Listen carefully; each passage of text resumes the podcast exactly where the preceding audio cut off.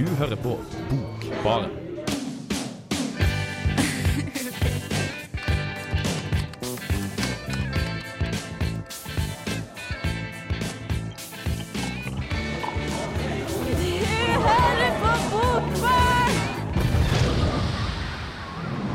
Ja, det gjør du. Hei, hei, og velkommen til Bokbarn. Jeg heter Hanna Lindberg, og med meg i dag i studio så har jeg hele fire stykker. Det er Ingrid Kveim Skarholt, Kristoffer Evik, Vetle Henriksen, og så har vi også med oss en gjest som heter Marit Elise Lien. Hallo. Hallo, hallo. Hei, har dere det bra? Ja. Ja, det har jeg òg. Fordi i dag, kjære lytter, så skal vi ha en temasending som vi liker aller best. Eh, Denne temasendingen i dag det går på Thomas Espedal, en forfatter som har jobbet jevnt og trutt i mange år. Og produsert en god del bøker, og vi skal se på en del av dem i dag. Eh, Men jeg tenkte at aller først så må vi jo si hei til vår veldig flotte gjest, Marit. Hei, Marit. Hei, hei. Hei. Hvorfor er du med oss i dag? Det er vel fordi eh, jeg liker veldig godt Thomas Ispedal. Mm. Ja. Jeg leste eh, Imot naturen og Imot kunsten, og de kanskje på én kveld hver. um, og jeg er veldig opptatt av språk og poesi, sånne ting. Så jeg tror jeg bare ble så glad når jeg fant noe som var litt annerledes, kanskje. Det er litt veldig annerledes. Det er veldig annerledes. Det er mye språk og poesi. Eh, og vi har jo med oss da både Imot naturen og Imot kunsten der, men vi har også med oss to andre bøker. Vetle, hva er det du har med deg i dag? I dag har jeg med meg Gå, eller Kunsten å leve et vilt og poetisk liv. Yes, Og jeg har da med meg Mitt privatliv. Eh, så disse skal vi komme tilbake til straks i kronologisk rekkefølge etter når de ble skrevet. så det blir bra. Men først så skal du få høre på Rassika med Gi meg, gi meg, gi meg.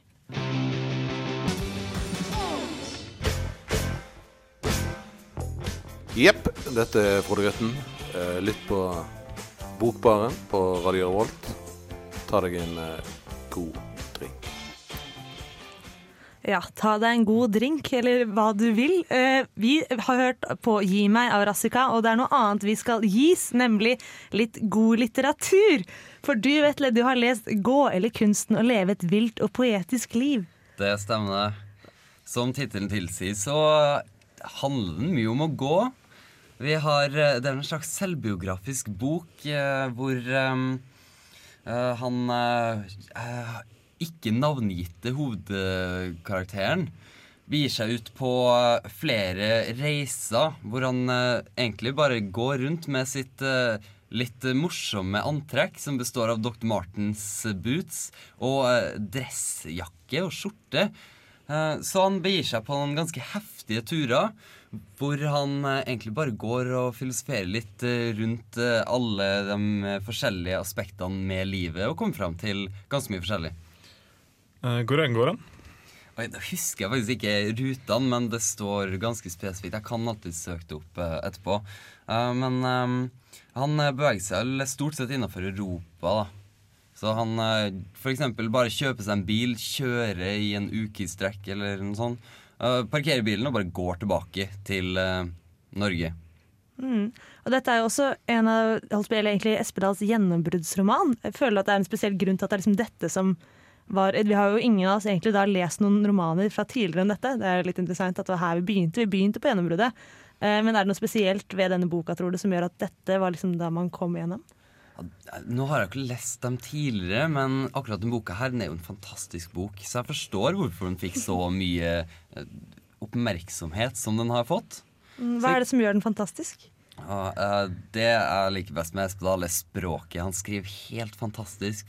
Skildringene hans om uh, Det er nesten litt sånn Knausgård-aktig at han bare kan skrive 20 sider om et tre.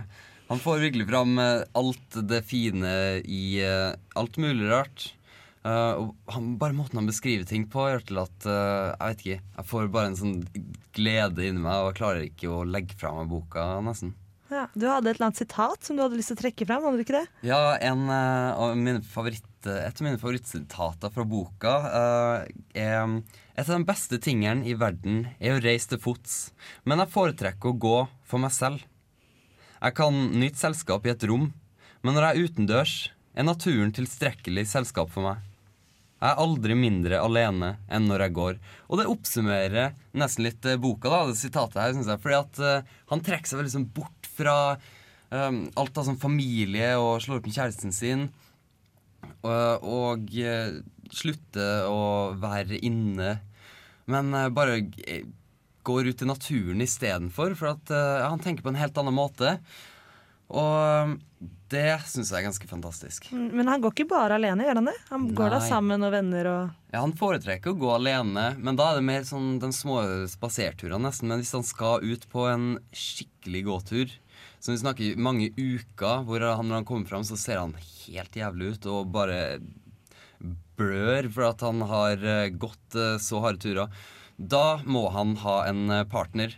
Og jeg syns det gir romanen ganske mm, mer ekstra dybde, da, for da kan han faktisk eh, diskutere litt ting på, på ferden, og eh, når de går, så har de ingen samtaler. Det er en regel de har, at de ikke skal klage. Så de går mye i stillhet. For at det er jo ganske forferdelig å gå så lange turer. Men når de sitter, setter seg ned, tar en pause og tar opp spritflaska, da kommer det ganske gode samtaler fram. Så det er mye å gå i stillhet og deretter snakke. Nå skal vi høre snakke, Vetle snakke litt mer om å gå.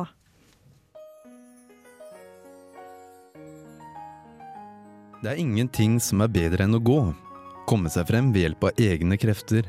Plassere den ene foten fremfor den andre, og gå inn i en slags glemsel som samtidig er et forsterket nærvær. Vi glemmer at vi går. Vi glemmer selve gåingen og anstrengelsene ved å bevege seg, samtidig som vi ser og hører mer årvåkent. Lukter skarpere. Vi opplever alt sterkere. En fugl flyr opp. Sollyset treffer tretoppene. De lyser. Vann som renner, stille vann. En bekk hvor ørreten hviler bak steiner i en kult. Vi drikker av vannet. Snøen som smelter. Spor i snøen. Et teppe av myr. Myrull som beveger seg sakte i vind. Vi tenker mindre når vi går langt. Vi glir inn i gåingens rytme, og tankene opphører. Blir en konsentrert oppmerksomhet som fester seg ved det vi sier og hører. Det vi lukter, denne blomsten, vinden, trærne. Som om tankene omformes og blir en del av det de møter. En elv, et fjell, en vei. En roman, en reiseskildring og et essay. Thomas Espedal tar oss med på en gåtur hvor vi tar avstand fra samfunnet slik vi kjenner det, med vakre, ja nesten poetiske skildringer av verden rundt oss, avbrutt av tankerekker som får meg til å glemme hvor jeg er. De her tankene tar opp tema som nedlegging av norsk landbruk, vårt ukritiske blikk på input vi får fra media, og viktigheten av å la seg selv tenke. Og hvor ofte setter du deg egentlig ned uten stimulans av noe slag og bare tenker? Det er da du virkelig blir kjent med deg selv, og ingen tenker så godt som når de går. Det er bare å tenke tanken. Du skal leve hele livet med deg selv. Du kan finne en ny kjæreste. Og du kan forlate familie og venner, reise bort, finne en ny by og nye steder. Du kan selge alt det du eier, og kvitte deg med alt du ikke liker. Men du kan aldri, aldri så lenge du lever, bli kvitt deg selv. Romanen tar oss med på en reise gjennom verdens litteratur og filosofihistorie, med sitater som vakkert går over i hans egne notater. Jeg elsker det, og jeg drømmer meg stadig bort til den filosofiske reisen som er tidsbestemt og evig aktuell på samme tid. Vi lever i den beste av alle verdener, sier jeg. I den beste av alle tider. Jeg ville ikke levd noen andre steder. I noen annen tid. Landet har blitt rikt. Og vi er de rikeste. Vi har gjort oss til fri fra arbeidet, fra plikten, fra slitet, fra familien, fra skammen, sier jeg. Vi er frie og rike. Og jeg skammer meg ikke. Savner du det ikke? Hva da? Det vi har løsrevet oss fra? Nei. Det som fascinerer meg mest med Espedal, er språket. Måten han finner en kunstnerisk verdi i alt han møter på veien, gir meg perspektiv, en glede av å være til og en følelse av å sette pris på alt rundt meg. En fantastisk bok med et fantastisk språk, og jeg kan ikke vente med å plukke ut den neste Espedal-boka fra bokhylla. En sving. Den vakre buen mellom det som har vært og det som skal komme. Jeg elsker denne svingen. Jeg har gått den mange ganger. Men i dag går jeg den for første gang. Slik føles det. Kanskje fordi jeg er våken. I dag ser jeg svingen. Jeg følger den nøye hver eneste meter. Hvert eneste skritt. Det er min sving. Hallo, dette er Karl Ove Knausgård. Hver gang jeg er i Trondheim, så hører jeg på Bokbaren. Et fantastisk, eh, fantastisk bokprogram. Ja, du er i Trondheim, men før du kom hit, så hørte du på eh, Cold War Kids sin sang, som jeg ikke husker hva heter akkurat nå. Eh, men før det igjen, så hørte vi på Vetle sin sak om gå eller kunsten å leve et vilt og poetisk liv. Ja, og jeg, Vetle, jeg ble veldig nysgjerrig da jeg hørte på deg i stad om du fikk lyst til å gå av denne boka. For for meg så betyr det å gå veldig mye. Jeg syns det er det beste i verden. Og jeg lurte på om du ble inspirert til det. Du er kanskje glad i det fra før? Er du det? Han går på en veldig spesiell måte i boka her. Selv jeg elsker å gå turer, men det er mer sånn små turer på fjellet. Eksempel i Trondheim da, kan jeg anbefale en tur på Geitfjellet. Det er en fantastisk tur hvor du får godt overblikk over byen.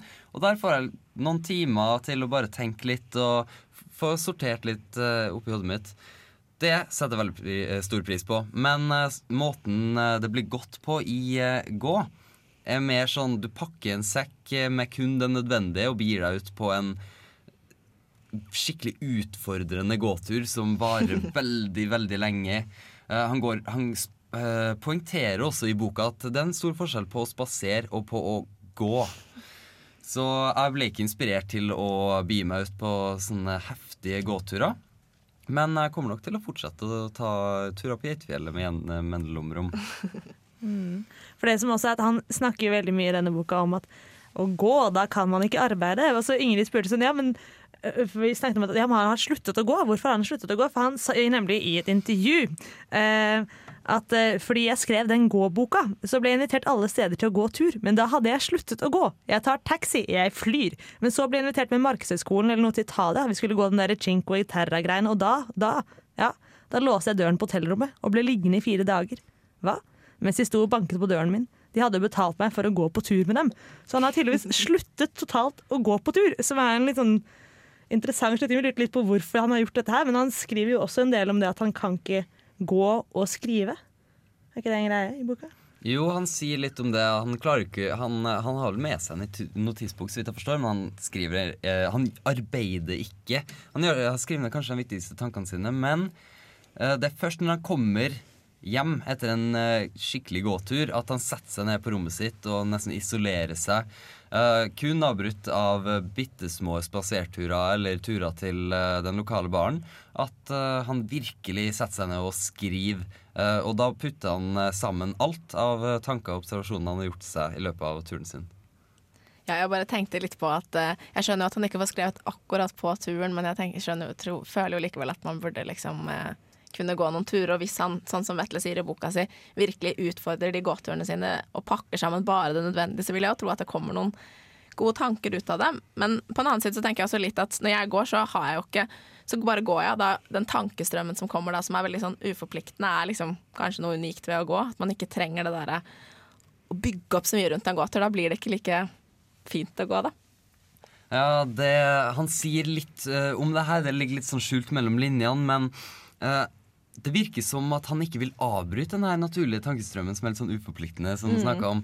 Uh, hvis han da plutselig skal skrive ned den tanken, så kommer ikke den naturlige neste tanken uh, like lett. Så derfor tror jeg han liker å, å skille det litt uh, fra hverandre. Han ser nesten litt på det som to forskjellige typer arbeid.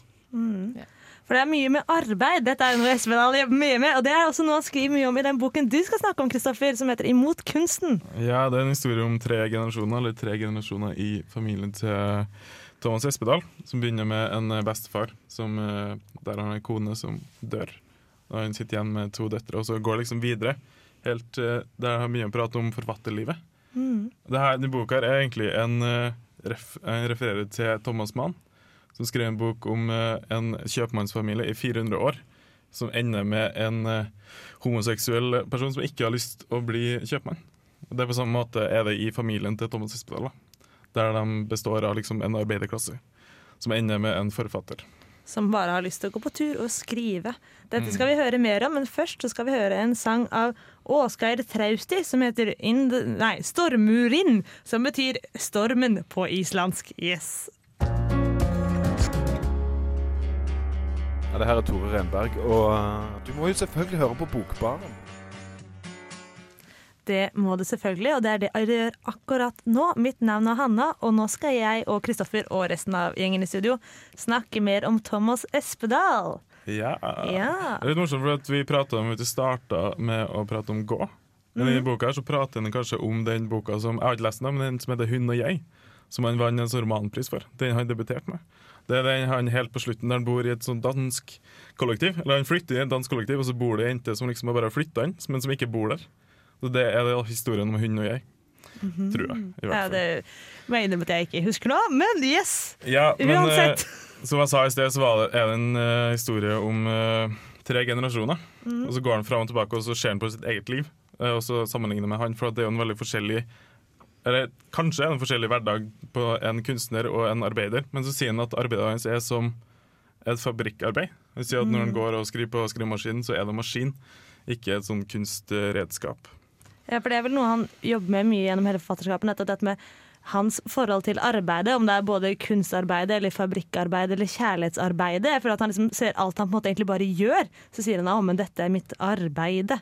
Selv om han liksom sier at jeg kan aldri ha normal jobb, så er det et veldig At alt man på en måte egentlig tenker er bare ting man gjør. At han tar alt veldig alvorlig. Er det en mulighet til å si det? Uh, ja, eller Jeg la merke til når han prata om bestemora si, så sa han at 'jeg elsker bestemoren min', eller moren min og sånn. Og så det er ikke ting jeg hører sånn i hverdagslivet. Nei. kanskje jeg burde ha sagt det sjøl, men, eh, eh, men jeg følte, jeg følte det var litt sånn unaturlig, eller bare veldig sånn alvorlig. Men jeg føler ikke at han er pretensiøs. Nei, Men at det kanskje er litt kunstig likevel? Men ja, jeg vet ikke. Nei, jeg syns det var veldig vanskelig å lese, for det, det er jo veldig Det er ikke noe sånn fargerikt språk. Det er veldig sånn enkelt. Han bare gjentar setningene, på en måte. Så veldig, Mm. Bruker komma og sier den samme setningen. Men jeg jeg syns det er veldig bra. Ja, for det, det er en veldig ro også det å gjenta setningen hele tiden. Men du snakket også om at det er mye eksperimentering i disse bøkene i hvordan han håndterer språket. Ja, Jeg hadde jo med Hanke forrige gang. eh, 'Målmannens angst ved straffesparkmerket'. Og der er det der er veldig mye eksperimentering. F.eks. en side der det er symboler med stol og bord, istedenfor faktisk ordet stor, stol og bord. Og i denne boka her så er det setninger som der det bare er en start og en slutt setningen, så er det bare et tomrom i hele sida i midten. Jeg vet, jeg synes det var vanskelig å sette seg inn og faktisk forstå hvorfor han gjorde det. Men Mm. han, tror, han sier jo at han er veldig inspirert av Hanke, så er et intervju, så det kan jo være noe i det. Ja, for det er noe alle sammen kanskje, som vi som har lest Esperanto, da, kan relatere at han driver utrolig mye med referanser til andre, andre litterære karakterer og filosofer i alle bøkene. Jeg vet ikke om det er noen som har noen tanker om det? Er det noen imot naturen? Husker du ikke noen? Eh, Ja, det er jo fordi Mot naturen handler det kommer mer tilbake til etterpå, men handler annet om et eh, forhold som Espedal får til en ung eh, jente, eller kvinne. Ja. Og da har han jo flere sånne Nå er jeg jo litt dumt at jeg skal legge meg ut på dette, for nå husker jeg jo ikke akkurat hva disse heter, men det er i hvert fall flere parallelle historier da, for å styrke at i litteraturen så har det alltid fantes litt lignende episoder. da, Og det er naturlig at en lærer blir forelska i en elev og litt sånne type ting. da, Men ja. Eh, han nevner også en i boka mi som nevner en Bonnard, som er en 1800-tallsforfatter som skriver sånn rombeskrivelser som han brukte å gjøre på 1800-tallet. Og i Bonnard så skriver han liksom rom som er møblert med sånne harde og vonde stoler. Og det liksom, Han mente at det var sånn språket hans var, at det var veldig sånn enkelt. At det kom sånn vonde små glimt av bilder, som for eksempel eh, åpne et sår igjen, eller sånn ullgarn som holder rosa opp. Det var litt sånn bizarre. Jeg liker det veldig godt. Det er fint. Mm, du liker det veldig godt. Yeah. Det var da Espedal imot eh, kunsten, og snart så kommer da også Espedal imot naturen. Ingrid. Oh, ja, ja Mm. det kommer. den har jo faktisk vår gjest også lest. Så eh, det blir spennende å snakke mer om den eh, etterpå. Men nå sa jeg jo egentlig kort hva den handla om. Jeg vet ikke hvor mye vi skal gå inn på det enda. Nei, jeg tror vi kan vi bare høre den, eh, rett på anmeldelsen ja. til Ingrid om Mot naturen. Thomas Espedal er selve partyprinsen på litteraturfesten Bergen. Imot naturen er Espedals tolvte roman, og beviser at han kan danse på bordet med god samvittighet. I likhet med kampklare Knausgård skriver også Espedal bøker om sitt eget liv, men på en litt annen måte. Espedals romaner er i større grad en håndsrekning til verden enn en selvterapeutisk oppkastbøtte. Denne gangen skriver Espedal om kampen mot naturens vilje. I disse dager hvor klimaet truer, så får jo dette spørsmålet en litt annen tyngde. Likevel er det nok samfunnets normer, mellommenneskelige relasjoner og ikke minst naturens gang som er Espedals hovedmotstandere her. I den vakre åpningssekvensen inviteres vi til møte med en ung kvinne. Det var ingen alder i dette møtet. Alder kom seinere, når de trakk seg tilbake og gjemte seg i rommet med bøkene og speilet. Hun sitter i fanget hans, han holder rundt henne som om hun er hans mor. De ser seg sjøl i speilet. Det får meg til å tenke på et bilde malt av Velasquez. Den unge jenten virker vakrere når han ser henne ved siden av en krøpling. Han blir svært betatt. Det er kanskje ikke så lett å innlede et alvorlig forhold i et samfunn med falkeblikk på forholdet ung kvinne, voksen mann. Espedal tar maske på og tør å utfolde seg på en helt annen måte. Men blir man egentlig friere av å skjule seg? Og bør ikke kjærligheten være sterk nok til å spytte på en spydig kommentar, eller le av et flaut feiltrinn? Som 'Neimen, så søt datter du har da, Thomas'? Også tidligere møter med kjærligheten får gjennomgå. Hans avdøde og fraskilte kone, skuespilleren Agnete, introduseres. Et kunstnerpar så lidenskapelige. Men ble det hele litt for dramatisk, kanskje? Jeg var på en fest med kjæresten min når det kom en jente bort og spurte om jeg ville følge henne hjem. Hun var svært vakker, og ikke på den vanlige måten. Det var noe stygt og vanskelig i ansiktet hennes som gjorde at det ikke var spesielt vakkert, og at hun skilte seg ut. Hun var ikke som en av oss. Hun var ikke en vanlig 18-åring med et vanlig utseende. En kveld så jeg henne i teateret. Hun spilte Kafkas yndlingslillesøster Ottli i et stykke om Frans Kafka. Det var en liten rolle, hun hadde noen få replikker, men jeg husker at hun ble tvunget inn i et stort skap. Låst inne i skapet. Hun forsvant der inne, hun ble gasset og døde der inne i skapet. Fra det øyeblikket, tror jeg, var det umulig for meg å ikke elske henne. Tenk å bli beskrevet sånn. Det er kanskje litt teit, men nei, altså, hun beskriver og forstår ansikt veldig vakkert. Ganske langt unna kort og greit. Her er jeg i allværsjakka mi med gode og solide joggesko, kan du si. Og så tilbake til ungdommen. Hun forlater ham. Han nærmer seg bånd. Drukna av alkohol og mismot. Vil han klare seg? Sorgen er overveldende. Ensomheten uutholdelig. Kanskje forstår vi ikke hvor flotte noen mennesker er, før vi ikke lenger kan høre latteren deres frivillig.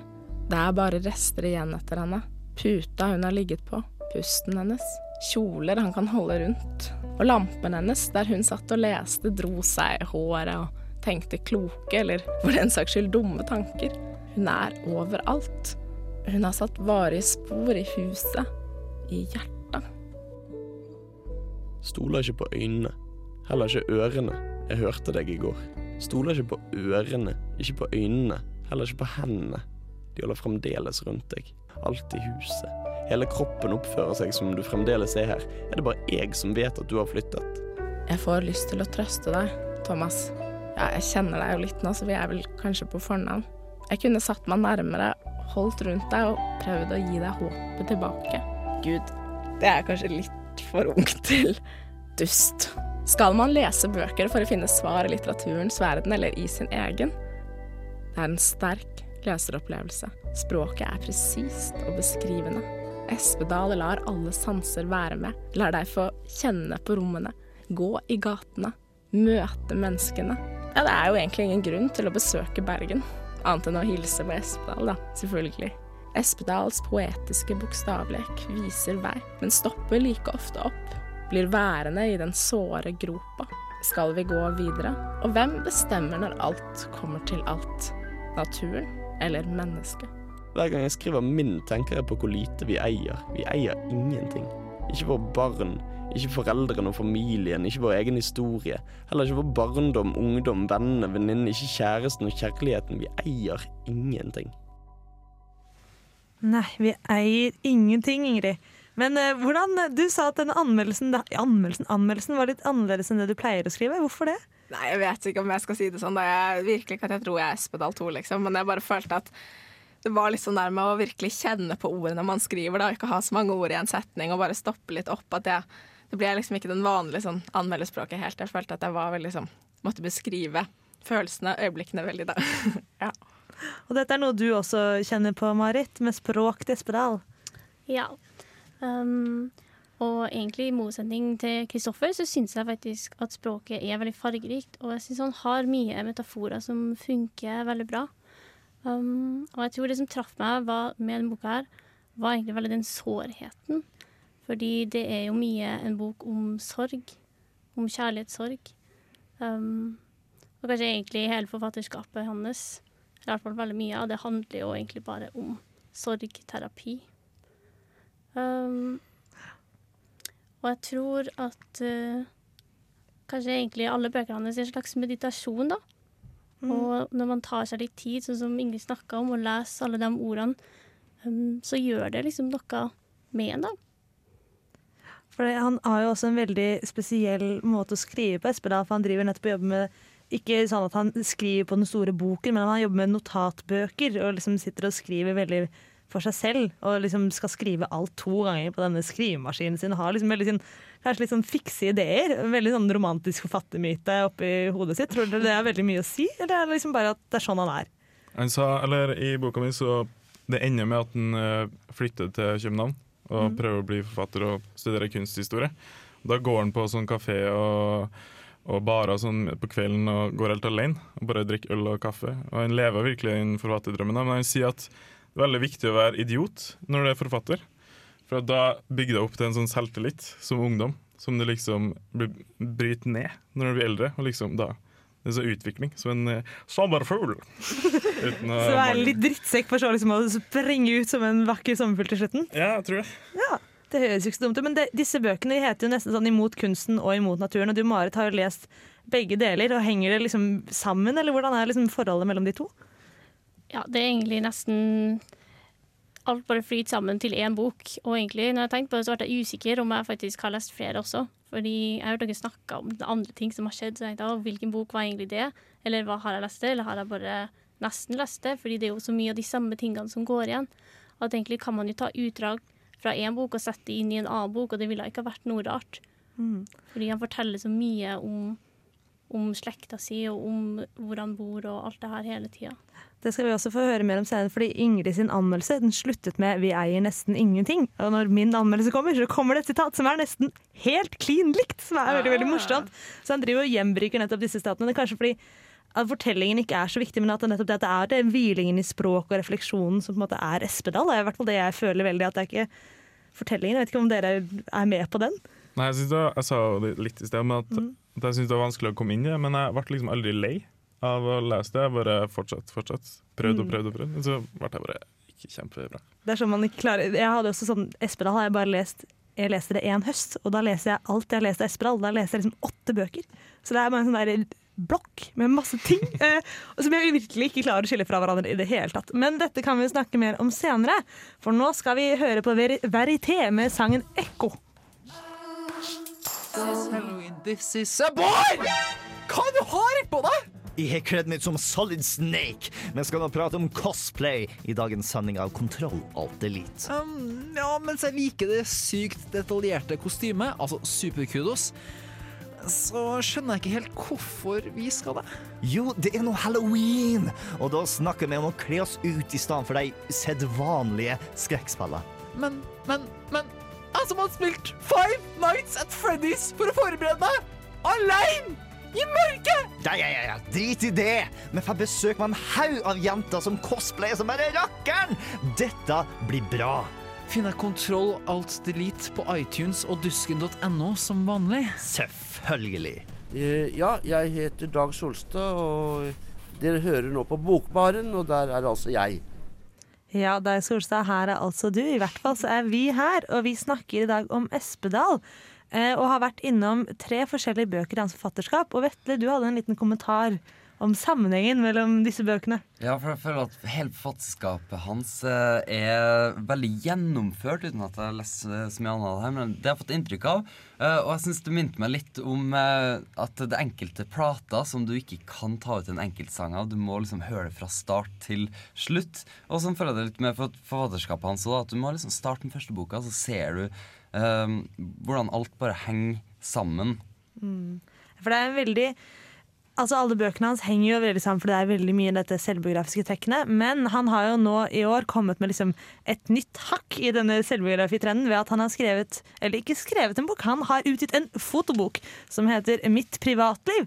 Som består av eh, veldig mange fotografier fra hans liv med små sånne tekstlige refleksjoner under. Um, og det er veldig interessant. Jeg, var, jeg gledet meg veldig, dette var det jeg sa i den første bokbarnsendingen jeg hadde. Og jeg husker at jeg sa at jeg gleder meg til denne boka. Og så var ingen sånn Er du ikke redd for å bli skuffet? Og så er jeg sånn Nei, jeg tror egentlig ikke det, fordi jeg det er fint. Og jeg er ikke skuffet, men det er en veldig rar måte å lese Espedal på. Å lese Espedal i bare de små bolkene. Du får bare liksom de, akkurat de fine små sitatene som jeg liker, og bildene til, men så mangler du på en måte alt det rundt. Du mister, jeg mistet i hvert fall litt den roen, for du på en måte blar fortere. Og det syns jeg egentlig var litt trist. ja. Men er ikke Espel ganske mye av Espel en sånn en lang tirade da, med setninger, eller det er ikke så oppstykka, det blir det jo på en måte her, blir ikke det?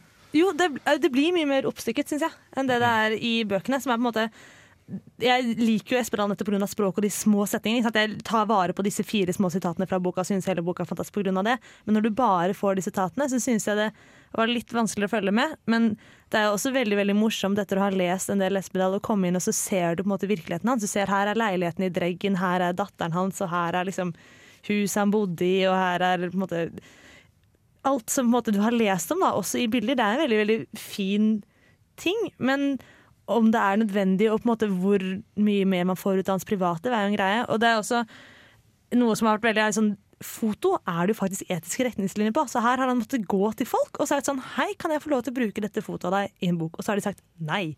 Eh, dette liker han jo virkelig ikke i det hele tatt. Så han har liksom tiradet litt i media om at jeg burde bare virkelig ikke spurt. ikke sant? Jeg burde bare gjort det. Altså, jeg burde ikke spurt noen som har gjort det etterpå, fordi den hensynsfullheten jeg har vist her, den skal jeg ikke ta meg inn i skrivingen. Men jeg synes helt at det kunne han gjort. Og jeg synes også at han driver jo tirader veldig over dette tapte kjærlighetsforholdet sitt. Og den biten av denne fotoboka som handler om det, det blir veldig mye. Jeg synes sykt synd på denne stakkars kjærlighetsobjektet som får så utrolig mye slengt etter seg. Men jeg skal liksom aldri elske noen andre i hele mitt liv igjen. Og se her er bildene av liksom hvor trist jeg var da du forlot meg. Det er jo helt forferdelig. Så jeg synes på en måte at ja, du har tatt liksom litt etiske retningslinjer fordi du har ikke brukt bilder av henne, for det fikk du sikkert ikke lov til, men det er fortsatt sykt mange bilder sånn Her er whiskyflasken min. Det er ensomheten når jeg er lei meg.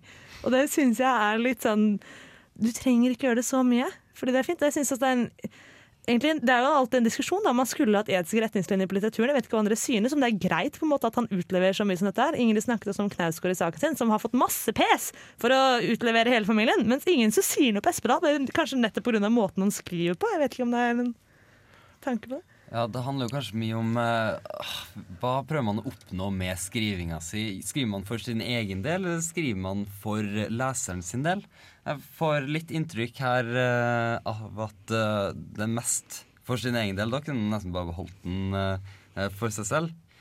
Ja, for Han driver og skriver disse notatbøkene også for seg selv, og han har også sagt at det er aldri avgjørende at det finnes leser og bøker. Språket arbeider ikke for å oppfylle konvensjoner eller for å bli lest. Språket er en maskin som produserer språk.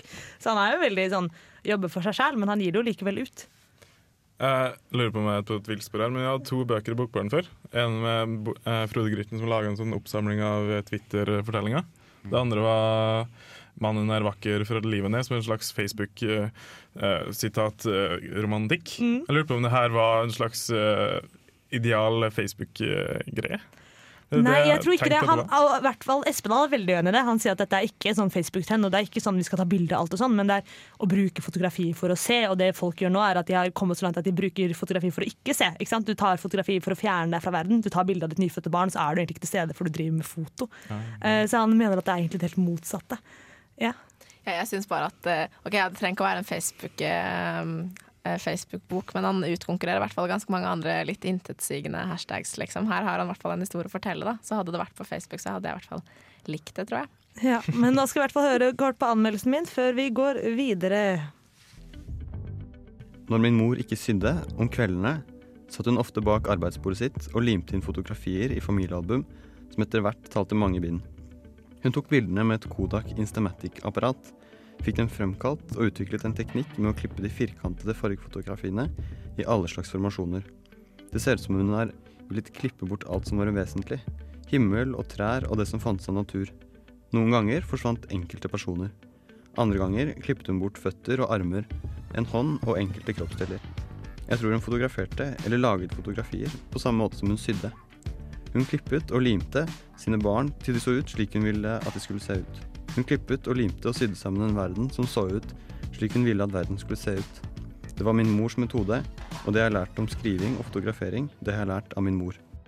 Mitt privatliv er en fotobok og den siste utgivelsen til Thomas Espedal. Her har han fulgt sin mors metode og framstiller livet slik han vil at det skal være, via tekst og bilder. Om du har lest Espedal tidligere, blir du ikke overrasket. Du møter steder, navn og en skrivestil som er umiskjennelig espedalsk. Han har god tid i denne forgjengelige verden, han fryser øyeblikkene. I et intervju til Aftenposten K hevder han at filosofien i boka er du eier ingenting, og at nettopp dette er vakkert. På det første oppslaget i boka møter du også dette. Et bilde av hans datter Amalie med teksten Min datter i min leilighet. Hver gang jeg skriver min, tenker jeg på hvor lite vi eier. Vi eier ingenting. Bildene er organisert i oppslag på to og to, og ser alle ut til å stamme fra en tid som har passert for lenge siden. For Espedal henger fast i gamle metoder.